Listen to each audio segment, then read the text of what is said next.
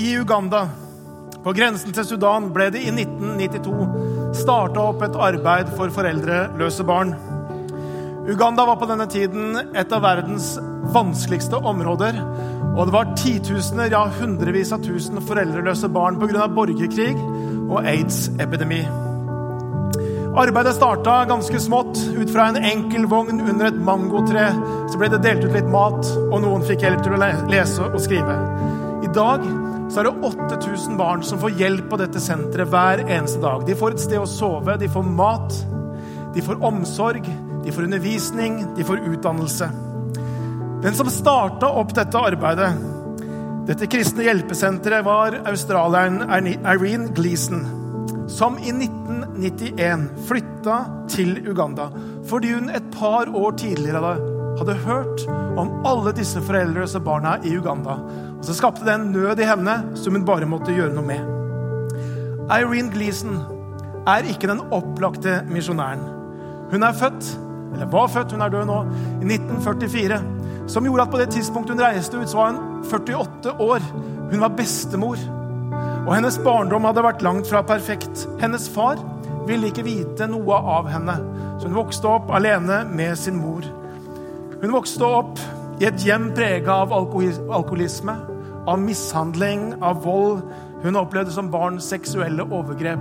Allerede som 16-åring så mista hun sin egen mor. Hun tok ansvar for fire yngre søsken eh, og slutta på skolen. Allerede som 17-åring så ble hun selv mamma. Ehm, og så opplevde hun en veldig tøff tid. Da hun var 16 eh, år etterpå, i hvert fall inn i ekteskapet, så var det hun som forlot sin egen familie. Yngste barnet var da åtte år, men da var det så kaos inni henne. Og så flytta hun sammen med en mann som var 20 år eldre, en farsfigur som hun lengta etter. Hun blei skilt, og hun ramla sammen i livet. Hun fikk depresjon, hun sleit på veldig mange måter. Og så eh, er det på en måte der at hun begynner å søke og leite, og hun prøver alle mulige slags religioner. Og i 1982 så er livet hennes helt på bånn. Hun har, føler at hun har ikke noen steder å snu seg, ingen steder å gå. Og så går hun inn i en kirke i Sydney i Australia. Og Der i denne kirken så får hun et gjennomgripende møte med Jesus Kristus. Som reiser henne opp, og som gjør noe med henne. Og Ti år seinere reiser hun til Uganda. Hun selger alt hun eier i Australia, og reiser ut. Arbeidet, det har vokst. Hun døde i 2013, men på det tidspunktet så var det dette store, voldsomme senteret som har fått lov til å gi titusener, 60 000-70 000 barn en ny start i livet. Et fantastisk arbeid. Irene Gleason var ikke den mest opplagte misjonær. Jeg tror at hvis Plan Norge eller Kirkens Nødhjelp skulle ha sett etter noen som skulle ha starta opp et sånt arbeid, så hadde de ikke valgt Irene Gleason. Hvis jeg skulle ha sett etter en som skulle ha starta opp noe tilsvarende, så tror jeg ikke jeg hadde valgt en bestemor på 48 år med et rotete bakgrunn.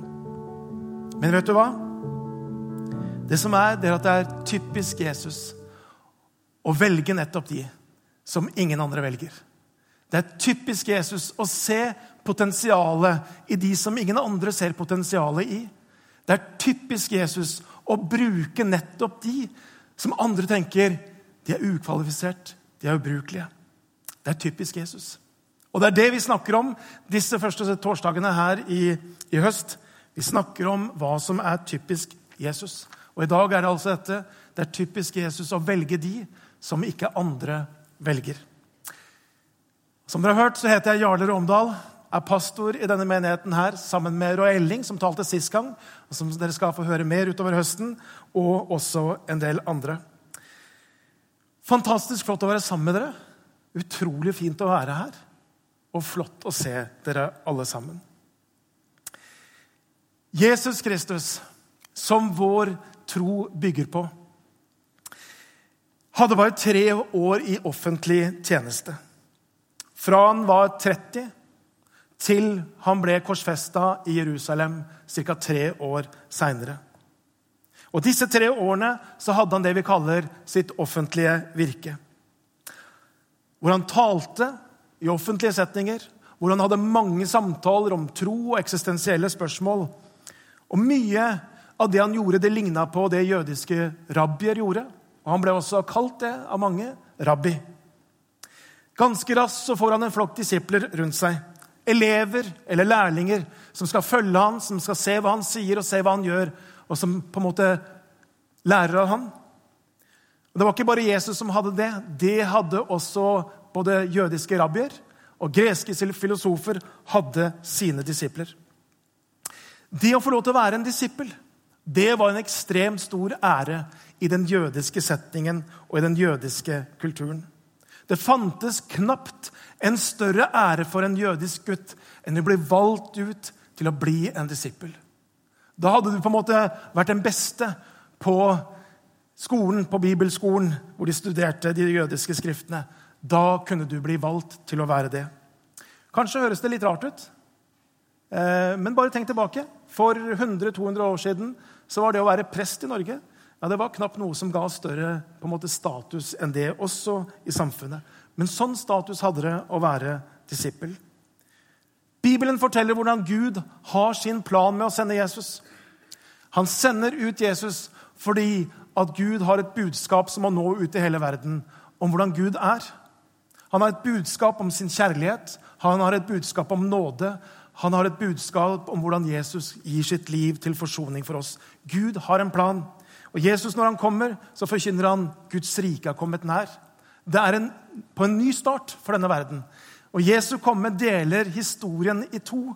Det er et før og det er et etter Kristus. Og Det er ikke bare en tidsregning, men det er en realitet. Det skjedde noe helt nytt. Guds rike har kommet nær. Og I Det nye testamentet så legges det stor økt på at når Jesus velger ut sine disipler, ja, så er det nøye gjennomtenkt, og det er planlagt. Det er ikke tilfeldig hvem som blir valgt. Og det står det, og Vi skal lese en liten tekst fra Lukas kapittel 6 og vers 12, hvor det står På denne tiden gikk han en gang opp i fjellet for å be, og hele natten var han der i bønn til Gud.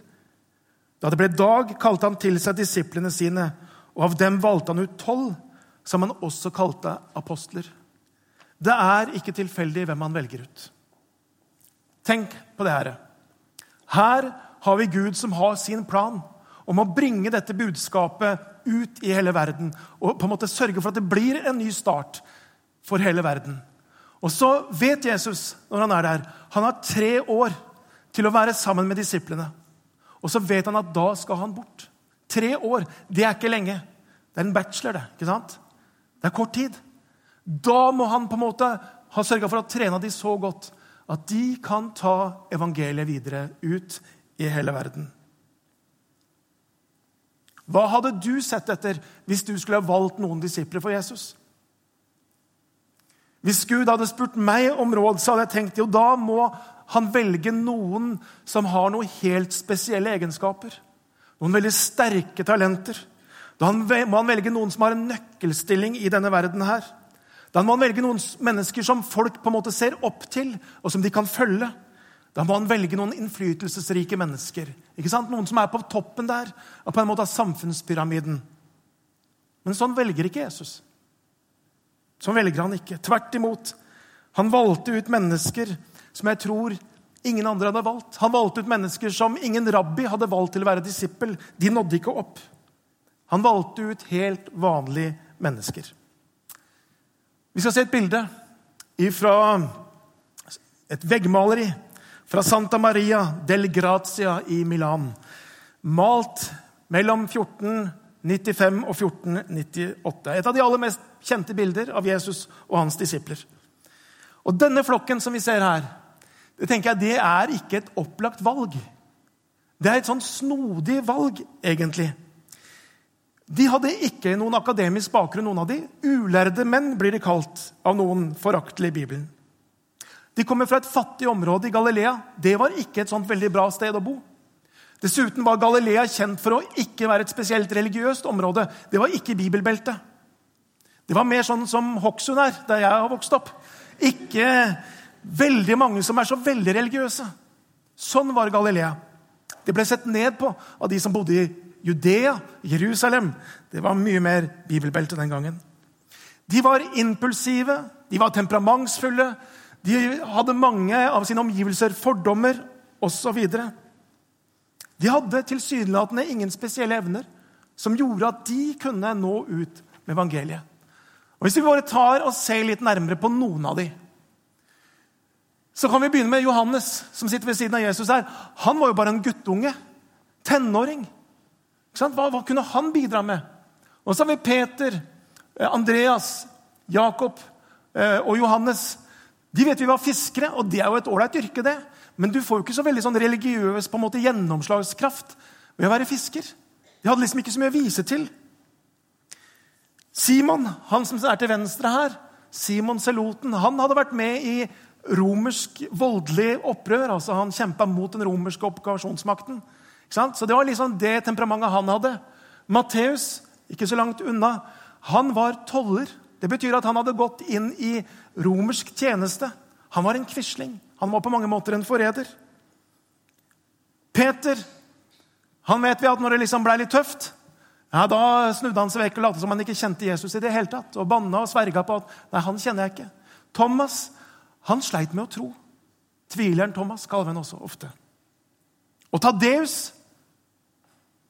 Tadeus eh, han vet vi egentlig ingenting om. Jeg tenker at Han var kanskje den stille i flokken. Han liksom som bare forsvant, som ingen la merke til var borte. Det er kanskje symptomatisk at Lukas ikke nevner Tadeus i det hele tatt. Men det var en sånn der også. Lyspunktet fra et sånn profesjonelt sånn headhunting eller rekrutteringsbyrå sin side, det var egentlig Judas. Judas Iskariot, Judas fra Iskariot. Han var nemlig fra et bedre strøk. Han var en vestkantgutt eh, som hadde peiling på økonomi, og han styrte økonomien til disippelflokken. Så hadde han kanskje et lite problem med lojalitet, men eh, Sånn På en måte så var han kanskje en good catch. Og så kan man jo tenke på Hallo, hva har Jesus holdt på med den natta? Har han somla? Har, han måte, har tankene bare flydd? Har han glemt å sjekke av CV-er? Har han glemt å ringe etter referanser? Eller hva er det for noe? Var det en feil? Var det en glipp? Og så er det ikke det. Det er ikke tilfeldig at han valgte nettopp disse. En natt i bønn innenfor Herren for å få visdom. Hvem er det jeg kan velge som skal ta evangeliet ut. Hvem hadde trodd på det? Hvem kunne i sin villeste fantasi at disse her, minus Judas Iskariot, var det som brakte evangeliet ut og rundt omkring i hele verden? Ja, Som forandra hele verden sånn som vi kjenner den. Det som starta med disse tolv og noen få tilhengere på pinsedag, det bredde seg som en præriebrann. Og rundt 350 etter Kristus så ble det statsreligion i det romerske riket. Da regner vi med at ca. 60% av den rikets, befolkningen i det romerske riket hadde blitt kristne. 34 millioner. Det er bare på en måte en sånn enorm bevegelse som evangeliet har. Det har en sånn kraft og det har en sånn fart at Konstantin han kan ikke på en måte gjøre noe annet enn å gjøre det til statsreligion. Det var ikke derfor det utbredde seg. Det var allerede hadde røtter i mange av disse områdene. De rosa og røde områdene på kartet som dere ser, det er nettopp de stedene hvor evangeliet hadde rotfeste på denne tiden her. Hvem hadde trodd det? Kirkehistorie de lurer på hvordan er det mulig. De klør seg i hodet. Hvordan er det mulig at tolv slike enkle, fattigslig utdanna menn kunne ta evangeliet den veien? Og Den tidlige kirkehistorien kan fortelle om hvordan disse mennene, som da ikke hadde egentlig noen forutsetninger for det, som knapt hadde vært utenfor Galilea noen gang, hvordan de reiser fra den ene stedet til det andre for å bringe evangeliet ut. Peter han ender opp i Roma og blir martyr der. Philip han har en sterk tjeneste i Nord-Afrika, i Kartago. Andreas reiser til Tyrkia, Hellas og kommer så langt som områdene ved Svartehavet. Matteus sies å ha hatt sitt virke i Etiopia og døde antageligvis der. Og Tadeus, som ofte gikk under radaren Den tidlige kirkehistorien sier at han reiste til Tyrkia, Irak og Syria hadde sitt virke og brakte evangeliet ut. Hvem hadde trodd det? Hvem hadde i sin villeste fantasi tenkt det? Men det er typisk at Jesus velger ut nettopp de som ingen andre velger. Det er typisk at Jesus ser dette potensialet i mennesker som ingen andre ser. Det er typisk at Jesus kan bruke de som andre tenker er ubrukelige. Og så er det egentlig sånn at Jesus gjør bare det han har sett Gud gjøre. Som far, så sønn, sier vi av og til. For når vi leser i Det gamle testamentet, så ser vi det samme mønsteret. Hvordan Gud bruker hele tiden menn og kvinner som på en eller annen måte vi skulle tenkt er diskvalifisert. Noah som bygde arken. Vi leser om hvordan han drikker seg sanseløs full og dummer seg ut. Jobb han går fullstendig konkurs. Jonah han flykter fra Gud så langt han kan komme. Abraham han var gammel, han hadde gitt opp håpet på å få løftesønnen. Da det håpet var over, håpet var ute. Jakob han var en juksemaker fra han blei født, han lurte broren sin. Josef han ble solgt som slave av sine egne brødre fordi han var så utrolig høy på seg sjøl. Moses hadde problemer med å snakke. Han stamma og stotra. I tillegg hadde han drept en egypter. Gideon var en reddhare. Samson var en skjørtejeger. Han endte sitt liv fordi han endte opp med feil kvinne. Og David, den store kong David, som er liksom selve lyspunktet i hele den jødiske historie fortsatt i dag. Ja, når Gud skulle kalle en ny konge, og så er det Davids far som får greie på at det er en av dine sønner som skal bli kongen. Og så er det audition i hjemmet til David. Og sønnene til Isai blir stilt opp. Men den som ikke er der, det er jo David. For verken far eller mor tenkte nok at han var det. Han var jo så ung, så han var sendt ut på jakt, nei, på, til å gjete sauer og geiter. Ikke engang foreldrene hadde noe tro på ham. Men han var det som Gud valgte. Denne høsten her så kom jeg plutselig på at eh, jeg har vært pastor i 25 år. Det gikk liksom fort forbi. Jeg rakk ikke å feire det engang. Det er noen dager siden. Men det var litt sånn sjokk. Etter fire år på høyskolen på Ansgar så starta jeg opp som ungdomspastor i 92. Og jeg må si at jeg fortsatt syns det er utrolig rart at på en måte Gud har brukt meg i dette. Jeg synes det er veldig rart. For å være helt ærlig så syns ikke eller jeg synes at jeg passer til veldig mye annet enn å være pastor, egentlig. Ikke er jeg veldig utadvendt. Og det bør man jo være når man møter så mye mennesker som man gjør som pastor. Men jeg er egentlig ikke det. Jeg er litt introvert. Jeg er også ganske beskjeden. Det er heller ikke noe forse i pastoryrket. Og så er jeg ikke veldig følsom. Det bør man kanskje også være. Og Noen ganger så tenker jeg at jeg er kanskje flinkere med maskiner enn med mennesker. Jeg er ikke så veldig glad i å være i rampelyset. Jeg trives egentlig godt langt bak i salen. Gjerne på bakerste benk. Jeg kunne egentlig tenkt meg å bytte med Odd Erik bak der. Ja, det det syns jeg har vært passe. Jeg hatet å holde foredrag på skolen. Det var det verste jeg visste. Unngikk det alltid. Og heldigvis så er R langt ned i alfabetet. Så det var veldig ofte de ikke rakk å komme til meg, og jeg kunne puste letta ut. Det verste det var å skulle lese høyt i timene. Det fikk jeg bare ikke til. Jeg stotret, jeg hakka. Bokstavene de fløy omkring. Jeg fikk det ikke til. Det var ikke bare pinlig for meg, det ble jo pinlig for hele klassen. Og På gymnaset pleide norsklæreren etter hvert bare å hoppe litt sånn galant over meg av bare barmhjertighet. Både for meg og klassen, tror jeg. Og I tillegg til det så strevde jeg egentlig også fra tenårene med et lavt selvbilde.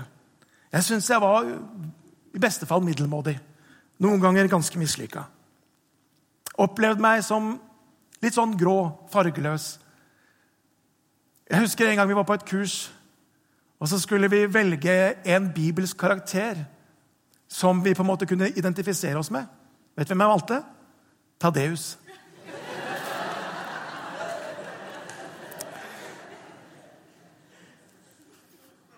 Og likevel så er det som om Gud dro meg, kalte meg, lurte meg inn i dette å være pastor. Jeg tenkte egentlig jeg skulle bruke årene på Ansgar til å være lærer. Og så gikk jeg to år. Så syntes jeg det var veldig spennende. Så gikk jeg to år til. Og så tenkte jeg, det kom en eller annen tanke. Kanskje det hadde vært litt spennende å teste ut det der å være med pastor. En liten stund. Og så ble jeg ungdomspastor. Og egentlig så er jeg der fortsatt. Jeg tester litt ut det der å være pastor. Og så er det gått 25 år. Poenget er at Gud bruker helt vanlige mennesker med svakheter, med feil, med mangler. Bruker de sin tjeneste. Noah, Abraham, Moses, David. De tolv disiplene som ingen andre rabbier hadde plukka opp, de reiste ut og forandret verden. Og Bare tenk på det. Tenk hvis de tolv og etter hvert elleve hadde mislykkes med det som var deres oppdrag. Da hadde ikke vi vært her i kveld. Da hadde det ikke vært noen kirker. Da hadde ikke 2,2 milliarder mennesker hatt en kristen tro. Men de mislykkes ikke. Selv om på mange alle odds kunne vært imot dem, så gikk de ut, og de brakte evangeliet med, seg. I mitt liv har jeg også opplevd at Gud har brukt meg. Så til tross for både det jeg tenker om meg sjøl, og til tross for at jeg syns jeg hadde passa bedre til så mye annet Til tross for at jeg ikke jeg var sikker på at jeg ikke kom til å få jobb som pastor. Hvem ville ansette meg? Men jeg kan huske første gangen jeg holdt en tale. Og jeg var fryktelig nervøs. Fryktelig nervøs. Og så var det det underlige som skjedde, at for første gang når jeg leste bibelteksten, så dansa ikke bokstavene rundt. Jeg hakka ikke. Jeg stotra ikke. Ingen Svein Tindberg, ikke sant? men det var helt ok. Sånn var det også når jeg talte. Og så var det etterpå jeg tenkte sånn Oi, hva var det som skjedde nå? Hva var det som skjedde? Og så opplevde jeg noe av det derre underet at Gud kunne bruke meg. Og I mange år pleide jeg å si at det største gudsbevis for meg, det er at Gud kan bruke meg. Det er det største gudsbevis. Det er ingenting som var sterkere i mitt liv enn akkurat det. Irene Gleason, som jeg snakka om innledningsvis, som i en alder altså 47 år og er bestemor og en rotete bakgrunn, bygger opp det hun bygger i Uganda. Og Hun forteller om hvordan hun møter under etter under hun opplevde så mange kritiske situasjoner, så mye truende opplevelser. Og så er det Jesus som griper inn igjen og igjen. Og så sier hun at Av og til så blir hun invitert til en skole i Australia for å fortelle om arbeidet sitt. Og Så sier de til henne at vi vil gjerne høre historien om hva du gjør i Uganda, men du, ikke si noe om han Jesus. For det på en måte har de ikke lov til på skolen. Og så sier hun bare det om du tar bort Jesus fra min fortelling, så blir det ikke noen fortelling igjen. Det var han som var hele fortellingen og hva han kan gjøre.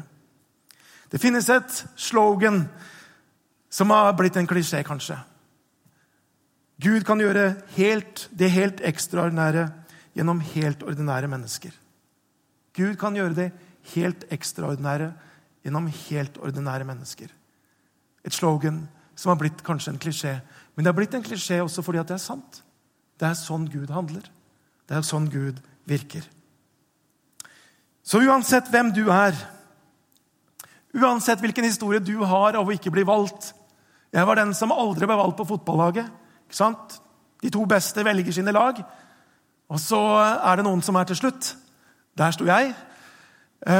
Og, og ofte så var det den ene som sa dere kan ha Jarle, vi hadde han sist gang. Ikke sant? Og Kanskje har du det sånn, en historie av å ikke bli valgt. Ikke være førstevalget i venneflokken eller der du er. Men så har jeg lyst til å si at Jesus, han velger deg. Og du er hans førstevalg. Jesus, han ser ditt potensial. Og selv om du ikke ser det sjøl, så ser han det. Han ser hva han kan forme deg til og gjøre gjennom deg. Jesus kan bruke deg, selv om du kjenner kanskje på at 'jeg kan ikke brukes til noe'. Jo, Jesus kan bruke deg.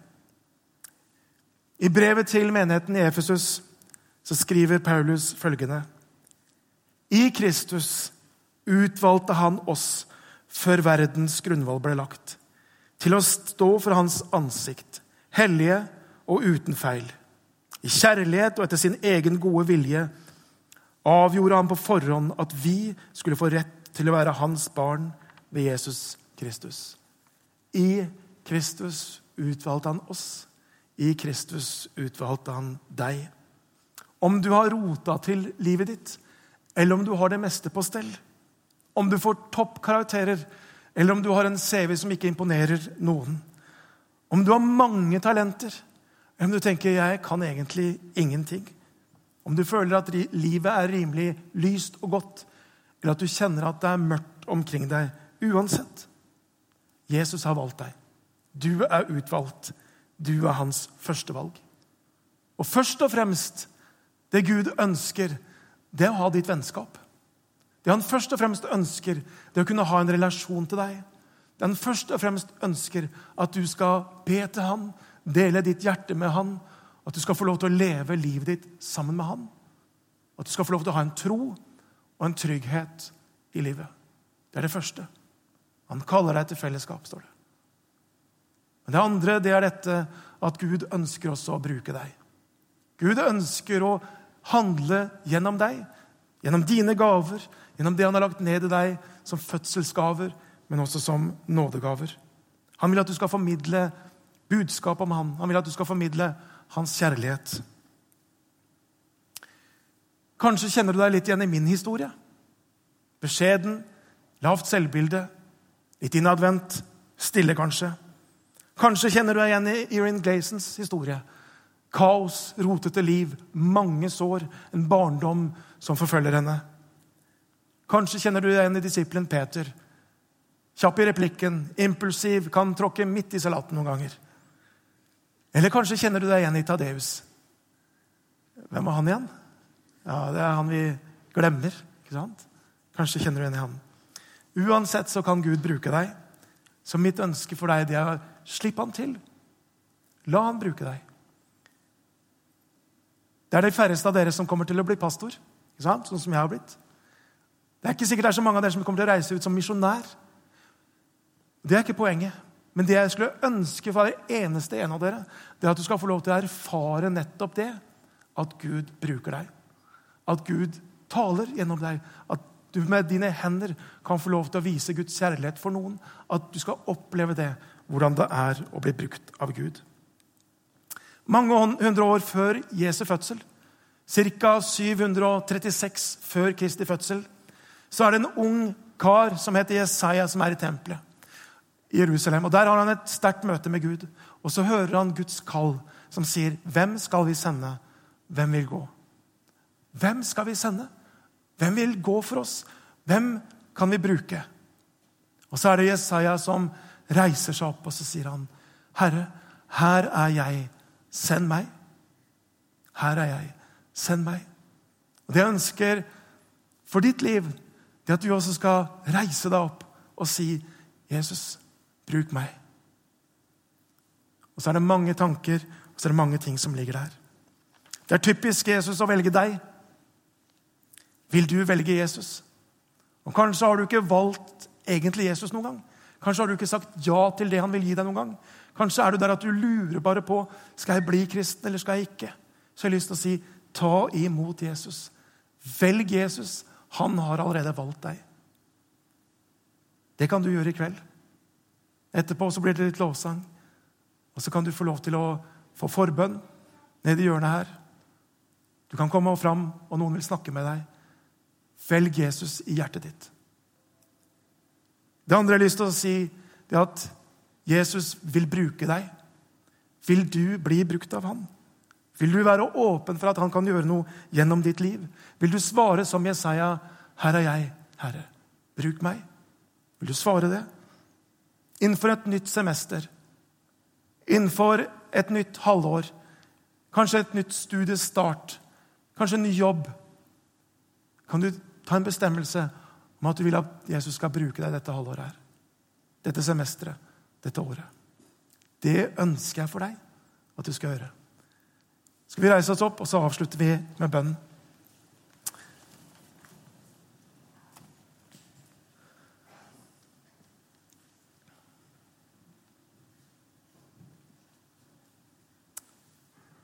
Kjære Jesus Kristus, du ser alle oss som er samla her. Og så be at du skal tale inn i vårt hjerte. Må du virkelig bekrefte det, at du velger oss.